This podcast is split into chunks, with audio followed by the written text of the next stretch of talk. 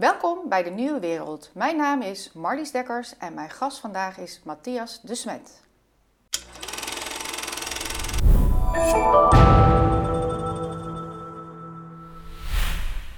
Matthias, welkom. Goedemiddag. Voor de tweede Dankjewel. keer. Voor de tweede keer. Ja. Ja, nou, de vorige keer heeft veel losgemaakt. Maar voor degenen die het niet hebben gekeken, jij bent eh, klinisch psycholoog verbonden aan de Universiteit in Gent. En je hebt een masterdiploma statistieken. Zeg ik dat goed? Ja, ja, ik heb dus aan de ene kant klinische psychologie gestudeerd. Aan de andere kant heb ik ook een meer eh, mathematische opleiding eh, genoten. En dat was een master in de kwantitatieve analyse, of zoals men meestal zegt, in de statistiek. Ja.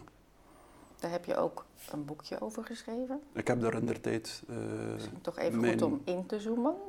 ja, mijn doctoraat was inderdaad een meer mathematisch doctoraat, zou je kunnen zeggen. Meer psychometrisch doctoraat. En dat heeft geresulteerd uiteindelijk in, in dat boekje, ja. Ja, en dat is de, de Pursuit of Objectivity in Psychologie.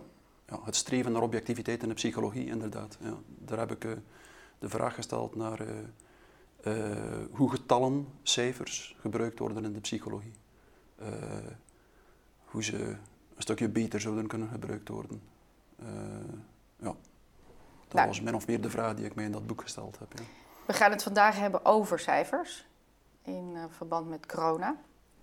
Want ook daar zijn veel statistieken worden er gebruikt en eh, niet voor iedereen allemaal te, te begrijpen en te volgen.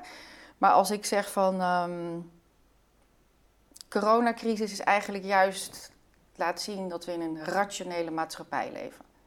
Ja. ja, dat wordt wel eens gezegd. Er wordt wel eens gezegd dat de coronacrisis een, eh, ja, een, een historische kans zou kunnen zijn. Een window of opportunity, zegt men soms. hè, om de overstap te maken van een maatschappij die primair eh, op verhalen gebaseerd en op, op basis van verhalen geleid wordt, naar een maatschappij die eh, primair op basis van cijfers geleid wordt. Hè, wat dan eh, meer op basis van feiten zou zijn, wat aanleiding zou geven tot een meer rationeel beleid, wat als men dat ver genoeg doortrekt, bijvoorbeeld als men die cijfers, die nu nog vooral cijfers zijn omtrent eh, besmettingen, ziekenhuisopnames en doden, maar als men die cijfers, als men dat zou doortrekken naar meer biometrische gegevens, biometrische data, en dat dat eigenlijk ook eh, eh, aanleiding zou kunnen geven tot een zeer effectief preventief gezondheidsbeleid, dat het lijden op de wereld zou minimaliseren. En dat is zo wat, dat is het verhaal, zou ik zeggen. Ja, dus ei- eindelijk doen we geen heksen meer verbranden bijvoorbeeld. Ja, inderdaad. dus het inderdaad is, ja. is niet, Ja. we leven niet meer in die emotionele, Ja, eh, of ja. in mythes, of in ja. eh, verhalen die eigenlijk niet rationeel onderbouwd zijn. Cijfers, computers kunnen ons dat bieden. Ja, inderdaad, ik hoorde het een, een ik, ik denk een, een maand geleden of zo, een, een, minister eh, die als een van de eh, centrale figuren in de coronacrisis betrokken is in België, eh, nog eh, zeggen van, van inderdaad, de coronacrisis kan de overgang zijn naar een maatschappij op basis van cijfers en in dat opzet een hele stap vooruit. En inderdaad met de impliciete gedachte dat de maatschappij vroeger op basis van verhalen geleid werd, maar dat die verhalen subjectief zijn en dat die uiteindelijk tot ja, machtsmisbruik, bedrog en vreedheden leiden, zoals je zelf aanhaalt. De heksenverbrandingen bijvoorbeeld.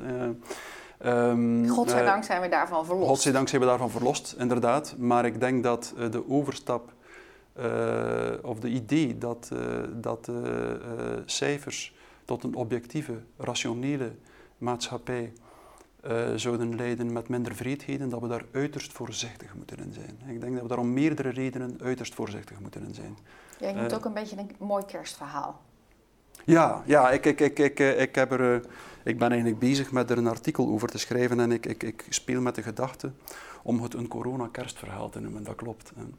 Eh, maar inderdaad, ik heb in mijn opleiding eh, en ook eh, tijdens mijn onderzoekswerk eigenlijk frequent mij verbaasd over, over de relativiteit van cijfers. Eh, ehm, eigenlijk in de tweede helft van de 20e eeuw eh, is, eh, is er in de wetenschap een ganse beweging op gang gekomen die eigenlijk vertrok vanuit het probleem van cijfers. En die, die vaststelde dat uh, metingen en cijfers veel relatiever zijn dan gedacht. Hè.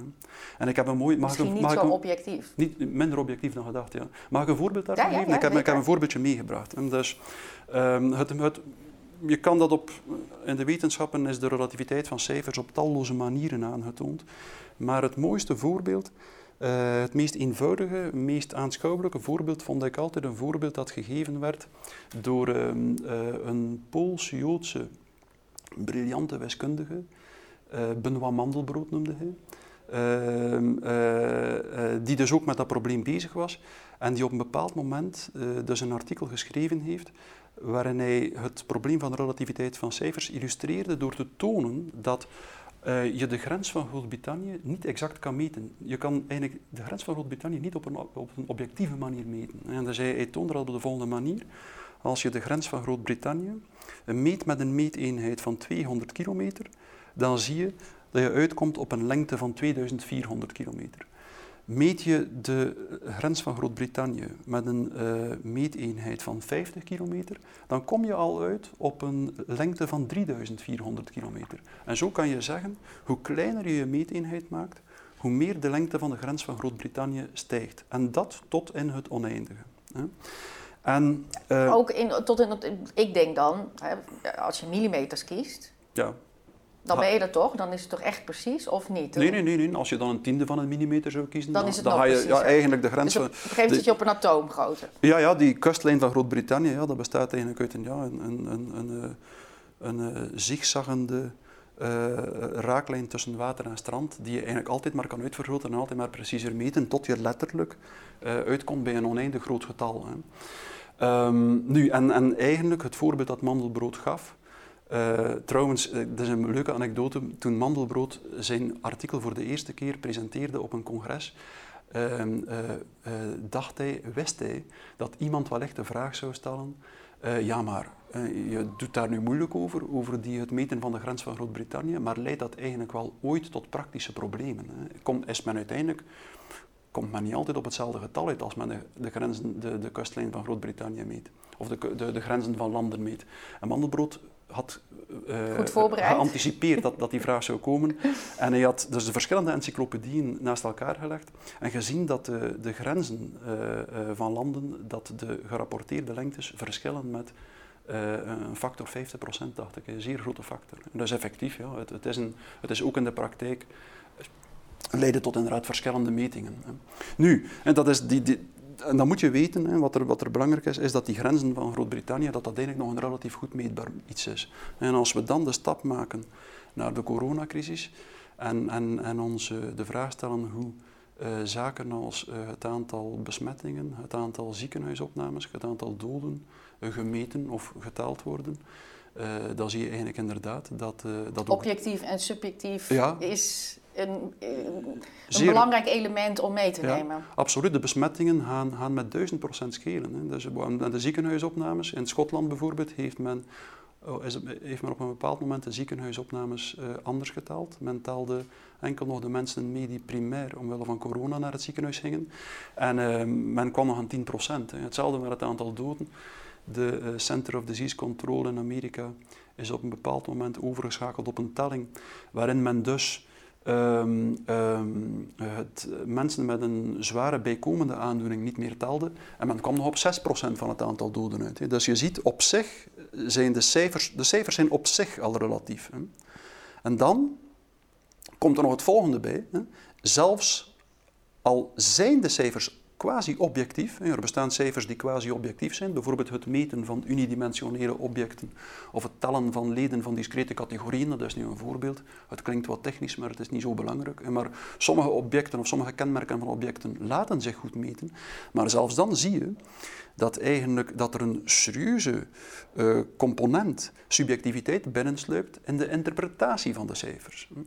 Ja, voor veel mensen is zijn cijfers denk ik al heel snel. Oeh, nou, we geloven de wetenschappers. Inderdaad. Uh, maar, ja. dus als zij het zeggen, geloof ik het ook. En dan heb je zoiets als het, de Simpson-paradox. Die, die, ja.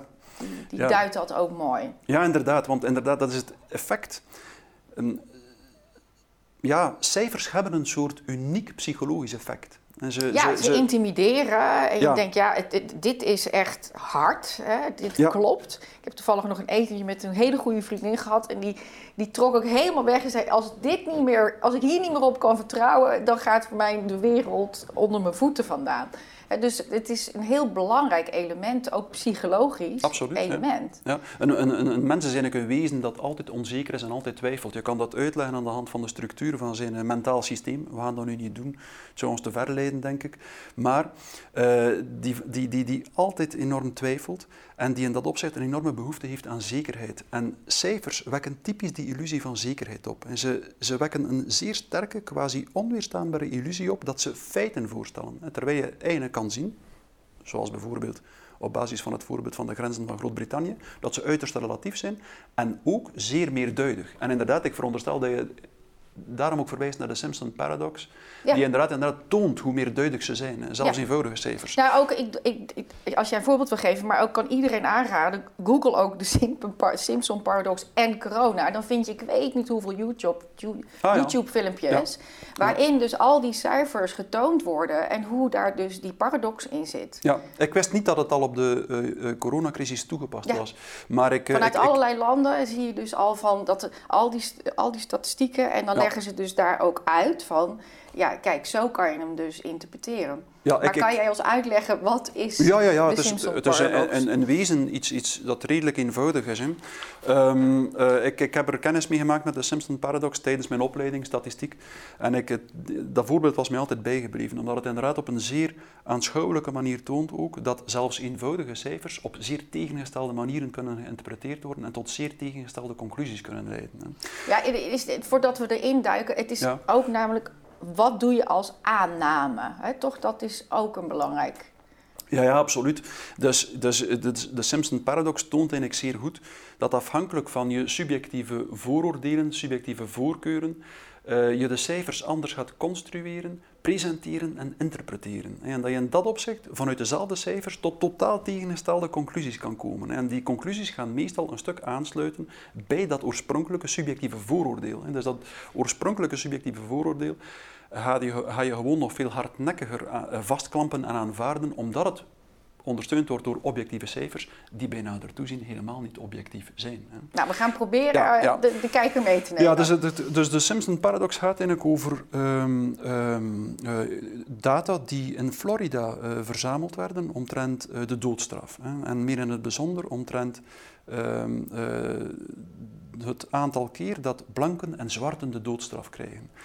Uh, de onderzoekers hadden... Wat natuurlijk al politiek gevoelig ja, wat ligt. ideologisch en politiek zeer gevoelig ligt. En de onderzoekers hadden de data eerst hadden van, op basis van de, van de cijfers eerst een soort tabel gemaakt, hè, die er als volgt uitzag. Hè. Dus je ziet daar dat eigenlijk als de dader een blank iemand is, dat hij dan in 11,9% uh, de doodstraf kreeg als hij een serieuze misdaad uh, pleegde.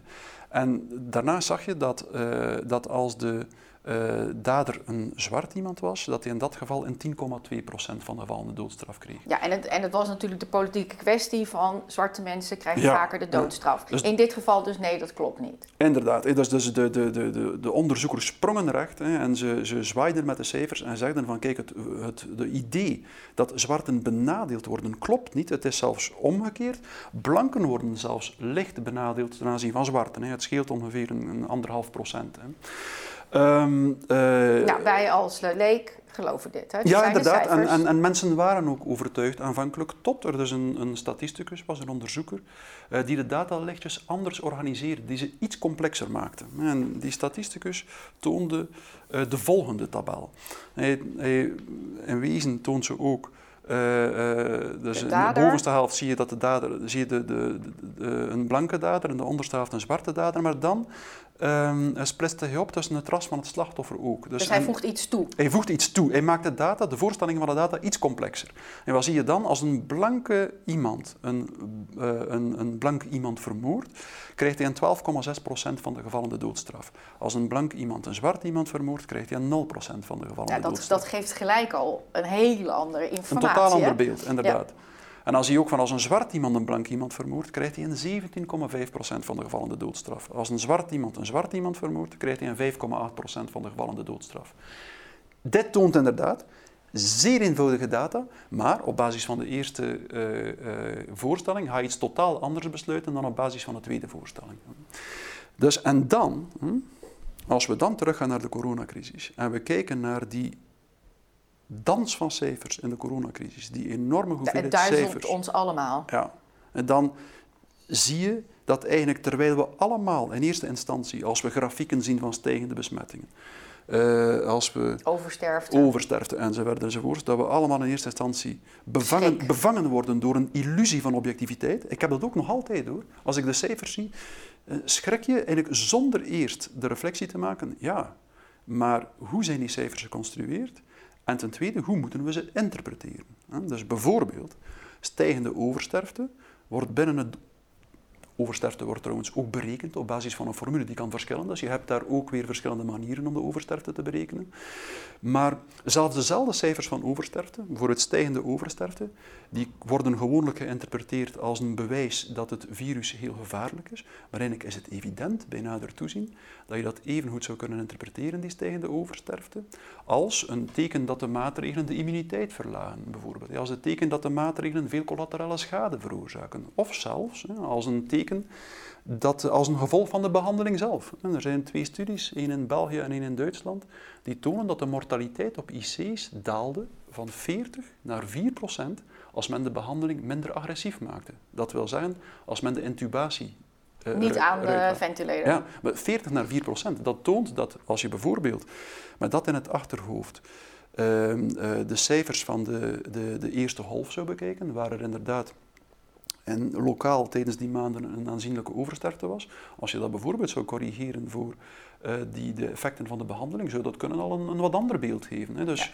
Ja, ja we, we, begrepen toen het ook nog niet goed. Hè. Daar zijn veel, er is veel over geschreven dat we waarschijnlijk het verkeerd hebben gedaan. Hè, verkeerd gereageerd. Inderdaad, te veel aan, de, ja. aan die ventilator. En, um, ja. Je, nu is het daar alweer veel terughoudender. Ja, uh, inderdaad, men heeft die behandeling aangepast. En we kunnen dat dat moet niet gebruikt worden om iemand te beschuldigen. Nee, nee, maar, het, maar het, is wel, het is wel bij de interpretatie van de van gegevens is, is, het een belangrijk, is het een belangrijk iets. Hè? Ja.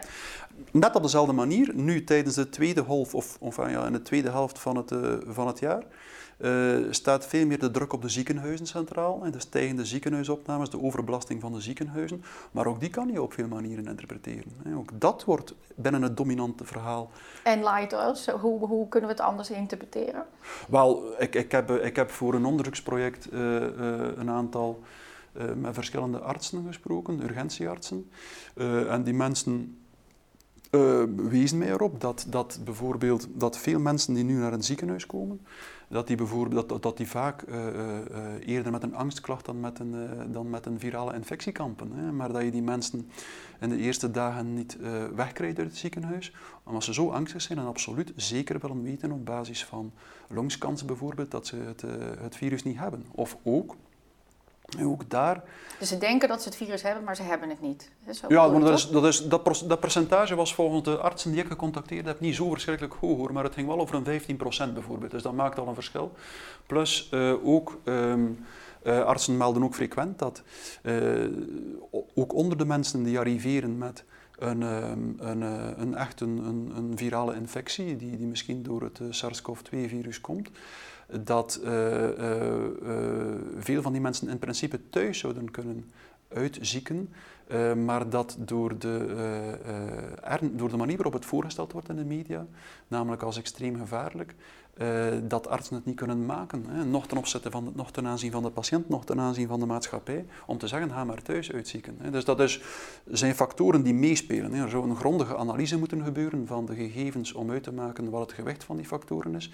Maar het is wel duidelijk dat het veel te kort door de bocht is om direct die cijfers te gaan interpreteren, interpreteren als een objectief en onomstotelijk bewijs van de gevaarlijkheid van het virus. En wat nu wel soms gebeurt. En, ook dat natuurlijk de, in de zorg uh, behoorlijk veel bedden zijn hmm. uh, afgebouwd. Hè? Dus ik denk dat dat hmm. in België ook is gebeurd, in Nederland ja, ook. ook hè? Dus het aantal IC-bedden is, is ook gewoon ja, ja. door bezuinigingen heel efficiënt. Ik wil niet zeggen dat dat verkeerd is, maar wel heel efficiënt ingericht. Dus ja, je bent niet heel robuust op het moment dat er dan zo'n virus langskomt. Nee, nee, nee, inderdaad, dat is ook een factor die zeker meespeelt. Hè. Ook, dat, hebben, ook, dat hebben bijna alle urgentieartsen merkten dat op. Hè. Dat, um, dat uh, in de laatste twintig jaar het aantal ziekenhuisbedden inderdaad progressief is afgebouwd. Terzelfde tijd is de bevolking wat gestegen. En is ook... Uh, best wel wat gestegen. Ja, en zijn ook aandoeningen als, als obesitas en, uh, en, en, diabetes licht gestegen, die risicofactoren zijn bij virale infecties. Dus je ziet inderdaad ja, een, een dalend aantal bedden, een stijgende bevolking. Uh, dat op zich is onvermijdelijk een, eh, een, een recept om tot uh, een overbelasting van de ziekenhuizen te komen. Iets wat trouwens in voorgaande grieppandemieën... Na 2018? Ja, ook het geval was. Want ik speelde op een bepaald moment advocaat van de duivel bij een urgentiearts en ik zei hem van ja maar, hè, dus, dit is toch nog nooit voorgevallen, hè, hoe we het ook draaien en keren, die overbelasting is nog nooit voorgevallen. En die man stuurde mij prompt uh, een, een, artikel uit 2018 waar er stond uh, ziekenhuizen overbelast door uh, grieppatiënten en, en gelieve andere zorg uit te stellen. En dus inderdaad, men, hetzelfde fenomeen is zeker al voorgekomen. Ja, alleen we leefden toen met z'n allen door. We leefden toen met z'n allen door, ja. ja het woord wat ik bijna niet kan uitspreken, maar hydroxychloroquine. Hydroxychloroquine. Ja, Daar, daar is natuurlijk ook veel. Uh, ja. zei toen: ik neem het in. Uh, daar is ook heel veel ja. onduidelijkheid. Wat zeggen de cijfers daar nou over? Is dat ook zo'n iets wat heel onduidelijk is? Wel, ik, ik, het is inderdaad opvallend als je. Veel mensen denken dat, um, dat um, uh, die relativiteit van de cijfers, dat dat misschien geldt voor de cijfers in de media, maar niet voor cijfers uh, in hoogstaande wetenschappelijke tijdschriften. Maar dat klopt inderdaad ook niet. En ik vind het voorbeeld dat je opnoemt, uh, hydroxychloroquine, eigenlijk een goed voorbeeld in die zin.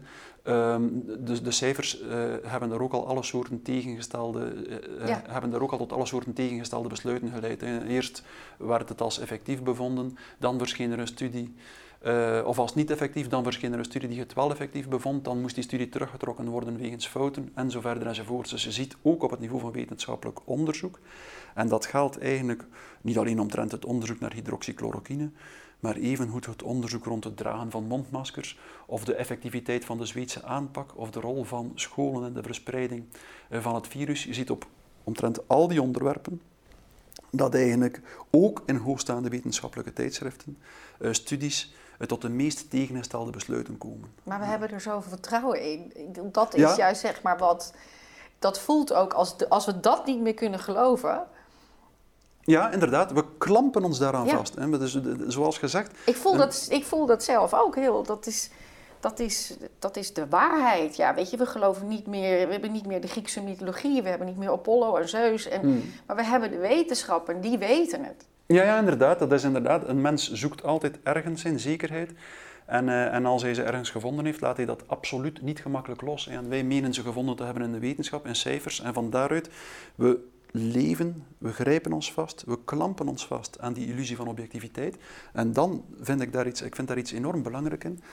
Dus in het zich vastklampen aan die illusie van objectiviteit, uh, vegen we subjectiviteit volledig onder de mat, uh, verdringen we de subjectieve component van onderzoek, namelijk bijvoorbeeld vanuit welke ideologie, vanuit welk verhaal interpreteren we de cijfers. Die subjectieve component verdringen we uit het debat en dan zie je iets merkwaardigs. Die verdrongen subjectiviteit die woekert. En ze krijgt groteske proporties en ze leidt tot net het omgekeerde van wat we nastreven. Namelijk tot een radicaal gebrek aan objectiviteit. En het is dat wat je bijvoorbeeld in de coronacrisis ziet. En de cijfers die gepresenteerd worden, dat is niet alleen een kwestie dat die cijfers relatief zijn en meerduidig.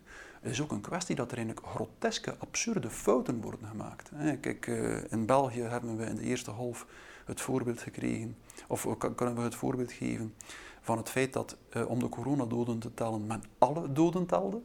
Ja, België heeft ook extreem veel doden. Dus daar, daar, daar lijkt echt iets met de cijfers. Uh... Ja, ja ook die analyse zou moeten uh, ja, eigenlijk in alle complexiteit gemaakt worden, denk ik. Maar inderdaad, het is duidelijk dat er op een bepaald moment absurde telmethoden werden toegepast. Hè.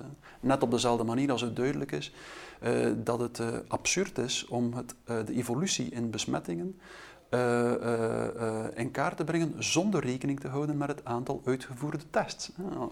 het spreekt voor zich dat je, als je wil weten hoe de besmettingen evolueren, dat je gewoon de positiviteitsratio moet nemen, zijnde het aantal positieve tests per hoeveelheid vaste hoeveelheid tests die uitgevoerd wordt. Dat doet men niet. Men telt gewoon het totale aantal positieven op. En dus met andere woorden heb je daar een enorme impact van het aantal uitgevoerde tests op de grafieken. En dus is ook zo'n voorbeeld, je kan er veel geven, hè, waarbij je opmerkt van tja, hè, eigenlijk uh, aan de ene kant um, um, uh, presenteert het publieke discours zich als een objectief discours gebaseerd op cijfers die feiten representeren, die rationele beslissingen toelaten.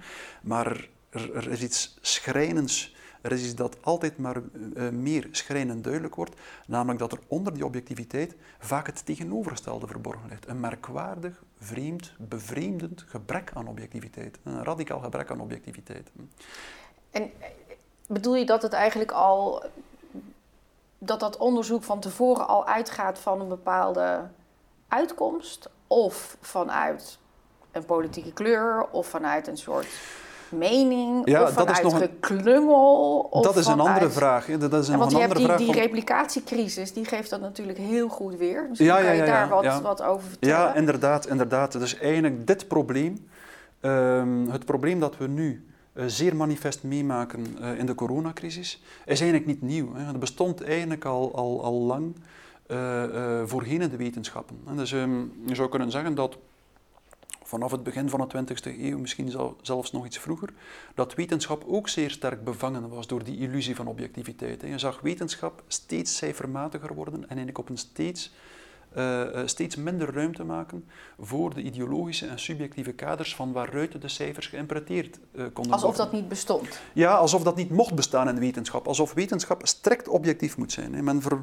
En ook daar zag je dat die wetenschap op duidelijk gekanteld is in zijn tegendeel, in een radicaal gebrek aan objectiviteit. En dat is eigenlijk duidelijk geworden in 2005 met het losbreken van de replicatiecrisis. En toen is daar onderzoek naar gedaan? Ja, dus eigenlijk, eigenlijk ehm, in de replicatiecrisis bleek eerst en vooral dat onderzoek dat, dat als uh, verschillende studies hetzelfde onderzoeken, dat ze dan vaak tot een verschillend besluit komen. Maar er werd ook nog veel meer ontdekt. Er werd ontdekt dat, eigenlijk, dat er in onderzoek um, uh, een enorm, enorme hoeveelheid fouten voorkomen. En dat is onder andere beschreven in een artikel met de veelzeggende titel A Tragedy of Errors, door Baker gepubliceerd, dacht ik, in Nature. En ook enorm veel slordigheden. En zelfs, maar veel zeldzamer, geforceerde besluitvorming en dan het echt zeldzame was de, de regelrechte fraude. dat was relatief zeldzaam, maar toch ook nog, toch ook nog verrassend vaak voorkomend. Jullie maar, je, maar je had een top drie, dus drie volgens mij ja. economie, twee psychologie. Nee, uh, ja, inderdaad. En één waren de medische wetenschappen. Ja. Waar we nu in zitten. Ja, inderdaad. Wel, inderdaad. Dus, dus, dus maar, klopt. Maar je zag inderdaad, dat is, dat is inderdaad een, een, bevreemdend, een bevreemdend iets. Eerst uh, die, die enorme hoeveelheden uh, fouten, slordigheden. Wat tot 70 procent, Ja, inderdaad. Het ging tot 73 procent. Dus Vanelli maakte, maakte een conservatieve schatting. Waar, waaruit hij besloot dat tot 73 procent van de studies uh, serieus de mist ingaan. Hè. Ook die studie natuurlijk, dat is weer een getal. Hè. Ook die studie moeten we opletten met dat getal te absoluut te nemen. Hè. Ik denk, mochten andere mensen de, situatie inschatten, ja, dat ze misschien tot, ja. tot, andere getallen zouden ja, komen. Misschien zijn we als mensen gewoon daar niet zo toe, toe in staat om dat inderdaad, objectief te doen. Iedere keer weer proberen we uh, ons vast te grijpen aan een getal, terwijl uiteindelijk dat getal altijd relatief is. Maar inderdaad, het probleem, uh, een, van de pro een van de domeinen waar het probleem het meest uitgesproken was, uh, uh, waren de medische wetenschappen. En, en, en dat toonde ons eigenlijk. Dus, dus daar waren er inderdaad zeer veel voorbeelden van wat men sloppy science noemt. Dus slordige wetenschap, wetenschap die niet tot, of die op veel, in veel opzichten geen correcte besluiten trekt.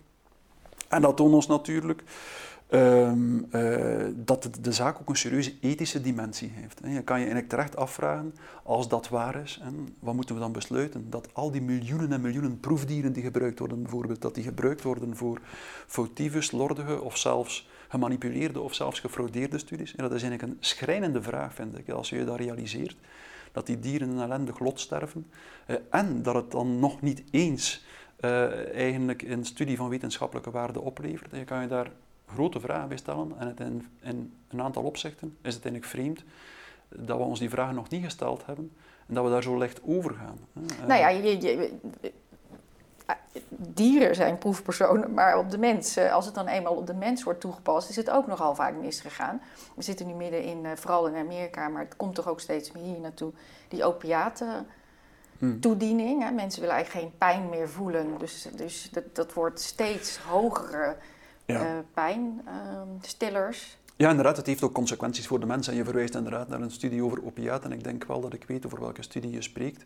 Ehm, een tweetal jaar geleden, dacht ik, uh, is die zaak in het nieuws gekomen. Er bleken dus inderdaad een paar honderdduizend doden gevallen te zijn uh, door het gebruik van een, uh, een opiaat. Dat ook in onderzoek onderzocht geweest is en dat ook in onderzoek veilig bevonden werd. Het toont ons inderdaad het probleem. slordige wetenschap heeft directe zeer dramatische implicaties, niet alleen voor de dieren, maar ook voor de mensen. Of, of, of ook, um, we kennen natuurlijk nog allemaal um, uh, de Softenon-affaire, waarbij, en, en, en ook een affaire die er wat op leek, uh, waarbij er een kunstmatig hormoon DES uh, ook bleek tot... tot ja, dat, um, dat je niet miskraam zou krijgen. Ja, en het, ja. Bleek, het bleek dus generaties ver ernstige, voor ernstige afwijkingen te zorgen. Ja. Het toont ons iets, iets, iets in, die, in, het, in de greep zijn, het bevangen zijn door de illusie van objectiviteit, uh, laten mensen ook ethische grenzen overschrijden. Ja, maar toch even terugkomend op ja, die opiaten, omdat dat, dat leeft in Amerika zo ontzettend dat mhm. um, als je pijn hebt bij een tandarts of bij welke arts ook, dus het moet pijnvrij zijn, mm. en welke behandeling ook, anders krijg je een soort geen goede rating. Um, die opiaten zijn goedgekeurd Mm. Die krijgen mensen met een herhaalrecept op hele hoge doses. Mm. Die raken allemaal enorm verslaafd. Dat is, dat is echt een groot probleem aan mm. het worden. Ook steeds meer bekende mensen die, eh, die ermee naar buiten komen, dat ze echt serieus verslaving hebben. Is gewoon goedgekeurd, wordt door artsen voorgeschreven. Maar is echt een serieus probleem. Absoluut. Het, het toont eigenlijk allemaal een onderschatting of een overschatting van de objectiviteit van cijfers. Een onderschatting van de enorme component subjectiviteit die in onderzoek uh, speelt.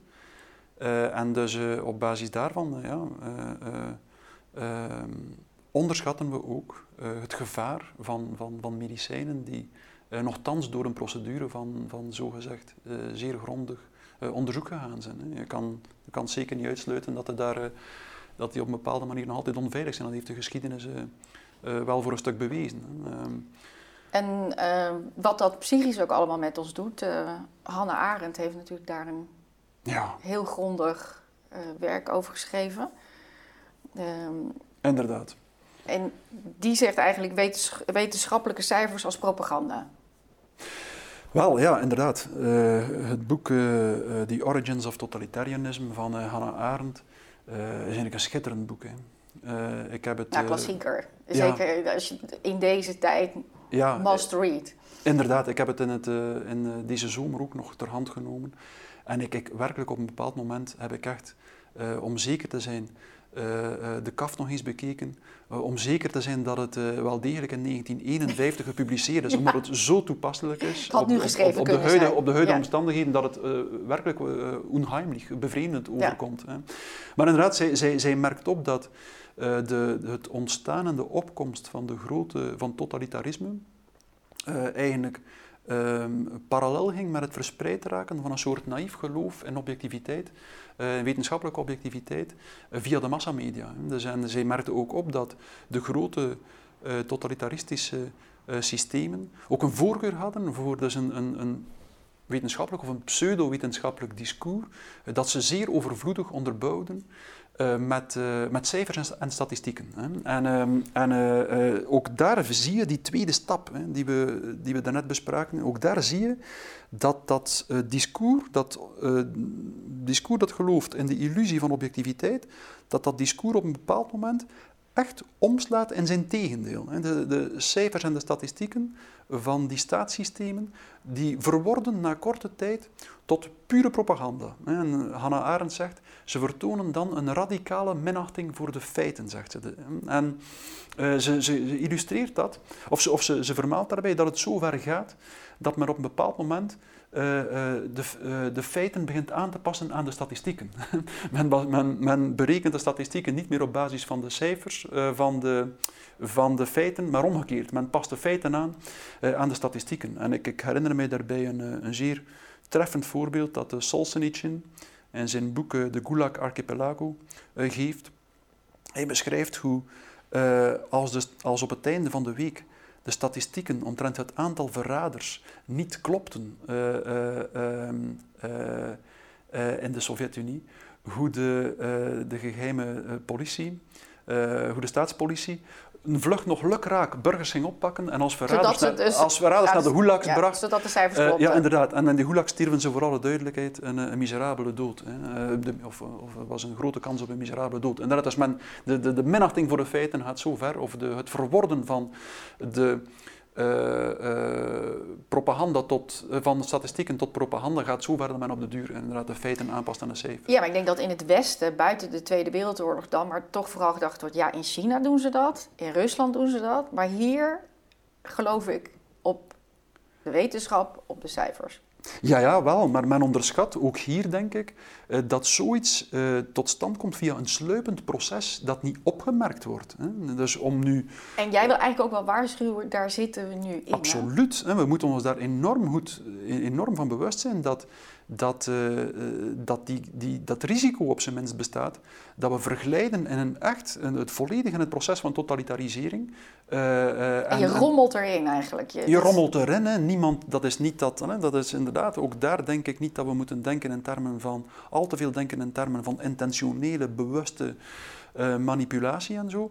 Uh, net zoals in de replicatiecrisis, ja, ja, rommelen mensen daar inderdaad in. En, en, en, en, bepaalde manier, iedereen met goede bedoelingen wil dat onderzoek doen. en nu misschien ja. ook de regering, misschien met alle goede bedoelingen, laten we daar maar van uitgaan, doen deze maatregelen. Hmm. Maar uiteindelijk alles bij elkaar hoe men, er, hoe men er precies in geraakt is een moeilijke psychologische vraag. Ik denk dat het een, voor, een groot stuk, voor een groot stuk onbewust is. Ik ga me daar zeker ook nog eens mee bezighouden om, om daar iets over te schrijven. Hannah Arendt bijt zich daar trouwens ook de tanden op stuk. Ook zij vraagt zich serieus af van wat, wat, wat gebeurt er juist en inderdaad in welke mate is het een bewust dan wel een onbewust proces. Zij verwijst ook naar uh, massavorming en Gustave Le Bon als een wezenlijk uh, als, onderdeel of een wezenlijk aspect van... Ja, de hypnose. Van de hypnose inderdaad, een soort hypnotiserende werking van cijfers. Um, uh, maar uh, ze, ze, merkt ook op dat je het niet helemaal kan verklaren zonder enige bewuste, zonder enige bewuste intentionele uh, inbreng ook. Hè. Dus je ziet dat trouwens ook in de, in de replicatiecrisis. het probleem bestond voor een groot stuk uit fouten, slordigheden en dan op het randje tussen bewust en onbewust uh, een stuk uh, geforceerde besluitvorming en dan helemaal bewust uh, een stuk intentionele fraude die relatief zeldzaam was. Of die echt zeldzaam was, niet relatief zeldzaam, die echte intentionele fraude was zeldzaam. Misschien zijn de proporties, die plaats, of zijn de proporties ongeveer dezelfde in een proces van totalitarisering. Hè. Dus dat is een, een, moeilijke vraag die... die maar even, ik probeer het even wat simpel. Je, ja. je, je zit in een periode, je krijgt een periode allerlei cijfers toegespeeld. Het komt mhm. via allerlei media tot je toe. En dat, dat gebeurt dus iets op psychologisch vlak, mhm. waardoor je dus op een bepaalde manier gaat denken. Mhm. En dan? Ja, ja je, je, je gedraagt je er naar ook. Hè. Dus je, je, inderdaad. Dus er komt een nieuwe waarheid. Een nieuw soort realiteit. Een nieuw soort realiteit. Ja, ja inderdaad. Ja. Gedrag. Absoluut. Ja, je, je, je, zonder dat je het weet die dan los komt te staan misschien van wie je was of wie je... Ja, het drukt je los. Hè, want dat zien we ook in de Tweede Wereld. Hoe hebben de mensen dat kunnen doen? Hoe hebben ze ja, ooit daar kunnen komen? Tuurlijk, ja, ja, absoluut. Ja. En dat... Ja. Dus er dient zich een nieuwe waarheid... Ik zou niet denken dat dat definitief verleden tijd is. En dus, uh, ik, ik vind ook iets, iets enorm belangrijk. Hè. Dus, en Hannah Arendt beschrijft ook waar zo'n proces eindigt. En dat is iets dat we echt... Ik vind dat zo belangrijk. En dus... dus uh, zo relevant voor, eh, voor deze tijdsperiode. Ze beschrijft dat dus die, die propaganda uh, steeds meer greep krijgt op een bevolking en dat hij op een bepaald moment erin slaagt om alle tegenstemmen, alle oppositie tegen het systeem monddood te maken. En dan zegt ze iets enorm belangrijks. En ze zegt, het is precies op dat moment, op het moment dat de oppositie volledig zwijgt, monddood is, dat elk tegensprekelijk debat stopt, Precies op dat moment slaat het totalitaire systeem echt in al zijn agressiviteit toe. En ze geeft dus het voorbeeld van Stalin, die eigenlijk tot aan de jaren 30, tot in het begin van de jaren 30, wat oppositie kreeg in zijn, eh, in zijn, eh, in zijn, eh, in zijn staat. Um, maar die op een bepaald moment erin slaagde om de, om de oppositie volledig monddood te maken. En je zou verwachten dat, dat, dat op dat moment de ergste strijd voorbij is, maar het is omgekeerd. En op dat moment begon hij met zijn grote zuiveringen in de Sovjet-Unie, die tientallen miljoenen mensen lukraak het leven gekost hebben. Dus er zat geen enkele logica in. Eh, die, die zuiveringen um, uh, troffen uh, de bevolking, maar evengoed de hoge partijbonzen. Um, um, Hannah Arendt zegt erover, op dat moment wordt de totalitaire staat een monster dat zijn eigen kinderen opeet. En dat is eigenlijk in tegenstelling, zeer belangrijk, tot een dictatuur. In een dictatuur is het meestal omgekeerd. In een dictatuur mildert de agressie als de dictator de definitieve macht heeft. Als hij het gevoel heeft dat de oppositie monddood is, monddood is mildert hij de agressie. omdat een dictator er dan vanuit gaat, hoogstwaarschijnlijk, of een dictatuur er dan vanuit gaat dat men de bevolking nu best sust en kalmeert en aan zijn kant krijgt. Bij een totalitair systeem is dat totaal anders. En dat toont iets dat het een totalitarisme eigenlijk op een volledig ander psychologisch, uh, psychologisch mechanisme berust. Is het dat, dat, dat de bevolking er zelf om vraagt? Ah, een stuk. En zeker in gelooft. Iedereen wordt meegesleept in de illusie van het totalitaire denken. En dat leidt onder andere tot een zeer specifiek effect. De slachtoffers, eigenlijk beschrijft Orwell dat ook in, in Animal Farm, de slachtoffers, dat viel enorm op in de Sovjet-Unie, maar ook onder het nazisme.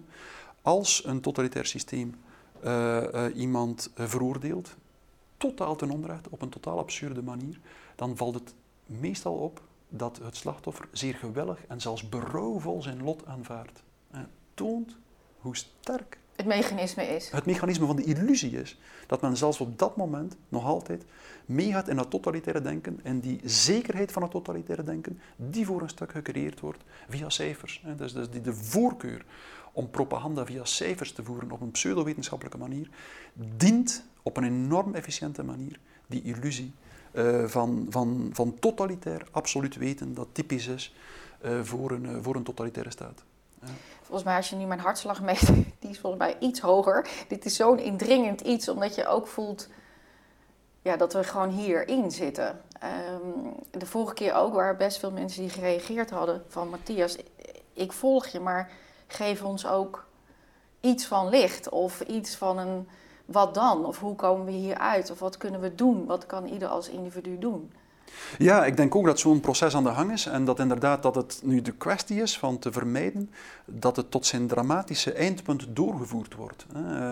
En eh, eigenlijk is, is, is gewoon um, uh, zie je, dus aan de ene kant uh, het verhaal waarvan totalitaire systemen gebruik maken, is, aan de is een wetenschappelijk verhaal, maar het is maar één wetenschappelijk verhaal. Je ziet bijvoorbeeld duidelijk dat er in de wetenschappen ook een helemaal andere stroming is. Een stroming die ergens vanaf, ja, die is vrij vroeg ontstaan, eigenlijk met Janos Boljai, denk ik, was een van de eersten, uh, een wiskundige in het begin van de 19e eeuw, die opmerkte dat er niet één vorm van wiskunde bestaat, maar talloze. En hij heeft daaruit de non-Euclidische meetkunde Maar eigenlijk heel de kwantummechanica En daarna in de tweede helft, in de eerste helft van de 20e eeuw de kwantummechanica.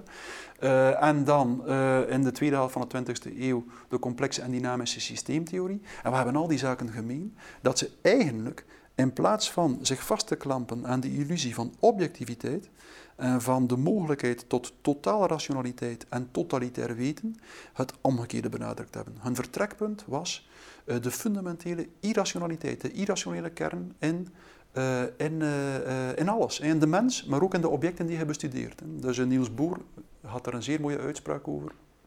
Hij zei, when it comes to atoms, language can only be used as poetry. En als het op atomen aankomt, dan kan je de taal enkel als poëzie gebruiken. En hij deed dat om te onderstrepen, en hij meende dat. Hij zei werkelijk, met een gedicht heb je veel meer greep op het irrationele gedrag van atomen dan met logica.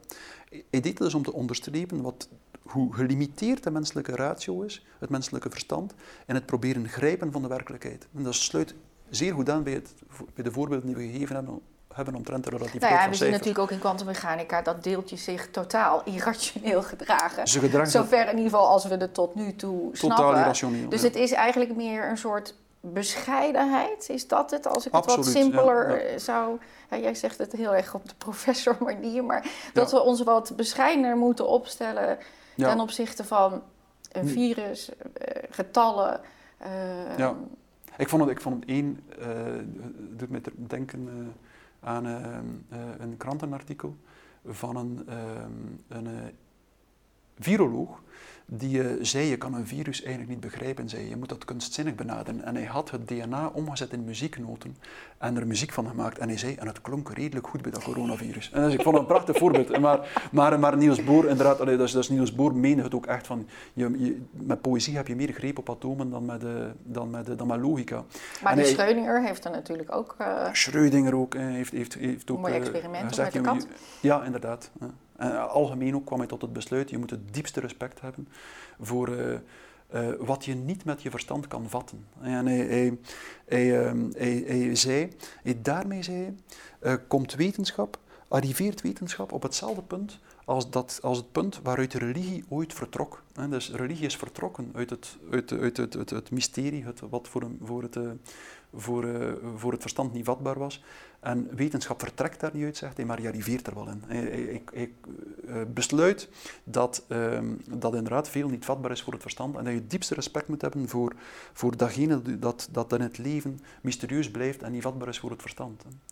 Maar daarnaast ook nog een heel aantal mensen. En eigenlijk komt het altijd op hetzelfde neer. Het is een soort wetenschap die irrationaliteit uh, als kern van de dingen ziet, die in uh, onzekerheid haar enige zekerheid vindt. Die zegt van het, het, de, de, dingen zijn fundamenteel onzeker. Denk aan het onzekerheidsprincipe van Heisenberg, die dus zegt dat risico's uh, inherent zijn aan het leven en dat, dat risico's inherent en noodzakelijk zijn in het leven. En zonder risico's geen leven. iets wat we nu ook missen, vind ik, die ook zich anders verhoudt ten aanzien van religie, zoals net gezegd. en die ook zeker ook beseft dat eigenlijk de wetenschapper dat is ook zo in de complexe en dynamische systeemtheorie, zeker niet alleen in de, in, de, in de fysica, maar dat de wetenschapper een fundamentele invloed heeft als mens op zijn observaties en dat je jezelf dan ook als mens moet in vraag stellen. Je, moet, je bent onderdeel eigenlijk. Je bent onderdeel. Je moet jezelf als een ideologisch, subjectief, ethisch wezen fundamenteel durven in vraag stellen. En dat is een volledig andere verhouding uh, tot, uh, het is, een, is een, eigenlijk een andere wetenschap dan een wetenschap die uh, altijd maar hardnekkig zich blijft vastklampen of, of altijd maar gegrepen blijft in die illusie van totale objectiviteit, die elke subjectieve component in wetenschap negeert, die daardoor in radicale gebrek aan objectiviteit belandt, uh, en ook in, over, in, in, in, overschrijden van ethische grenzen, toont de geschiedenis. Hè. Dus er zijn twee soorten wetenschap en ik denk dat eigenlijk als de crisis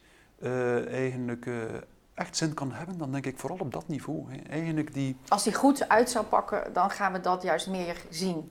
Ja, ik geloof daar wel in. Ik geloof wel dat de crisis eigenlijk beetje bij beetje gaat tonen dat uh, onze manier waarop we naar de wereld kijken, die zeer sterk beïnvloed is door een, een soort mechanistische uh, wetenschappelijke manier, dat die niet houdbaar is. En dat, we zien dat nu eigenlijk dagelijks in het nieuws zou je kunnen zeggen, dat iedereen voelt wel, denk ik, dat wetenschap dat wetenschappers uh, uh, zichzelf, zichzelf, vaak tegen, tegenspreken, dat er een soort gekrakeel is van dissonante stemmen die allemaal op zich absolute objectiviteit claimen en daardoor ik nooit tot een echt open debat komen omtrent de kern van de zaak. En dat zijn namelijk, en die kern van de zaak, dat is die subjectieve kaders van waaruit we de cijfers interpreteren. De essentie zit niet in de cijfers zelf. Die cijfers kunnen op bepaalde hoogte iets bijbrengen, dat, uh, dat is zeker zo. Maar de essentie van de zaak ligt hem in onze, in onze ideologische en subjectieve uitgangspunten, van waaruit we uh, naar de cijfers kijken. Maar Matthias, mensen die hier dit nu naar jou luisteren, die hun bedrijf kwijtraken, die uh, baan kwijtraken, die heel een pensioen zien opbranden. En nu heel jouw verhaal horen en denken, ja maar ik, dit wordt me allemaal afgenomen, gebaseerd op cijfers, die dus duidelijk niet objectief blijven lijken als ik jouw betoog volg dat roept toch ook gewoon veel agressiviteit en woede op. En dat is absoluut niet waar jij toe oproept. Hè? Dus misschien nee, nee, nog nee, even... Nee, Hè, want dit... Nee, nee, nee, zeker niet. Ik, wat ik, zei, mijn hartslag gaat er ook wel van omhoog. Dus het is natuurlijk wel iets wat je ook heel erg raakt, jouw verhaal. Hmm. Maar jij zegt zelf ook het open debat. Dus Absoluut. Wat zeg jij dan van wat, wat kunnen we doen? Ja, ik denk, ik denk niet, ik, ik, ik verwacht uh, niets van agressies en revoluties. ik, ik, ik denk dat... Want dat is eigenlijk hetzelfde, maar dan de andere kant van de medaille. Ja, ja een revolutie heeft de neiging om, uh, om te vervallen uh, in datgene wat ze wat ze bevecht, zegt men wel eens. Hè. Uh, en hier zou het ook zo zijn, vrees ik. Uh, ja, maar jij hebt zeg maar je baan nog, je bent professor. Maar voor mensen die van alles wordt afgenomen, dat ja, is toch... is enorm. Hè. Ik vind dat ook, dat is, dat is schrijnend. Hè. Dat is eigenlijk... Uh, is een schrijnend iets inderdaad. Um, dus hoe kan je dan open debat? Wat, wat, wat stel jij dan voor bij dat open debat? Ik, ik, ik, ik, ik denk dat, uh, dat inderdaad het, het soort um, uh, het, het negeren van, van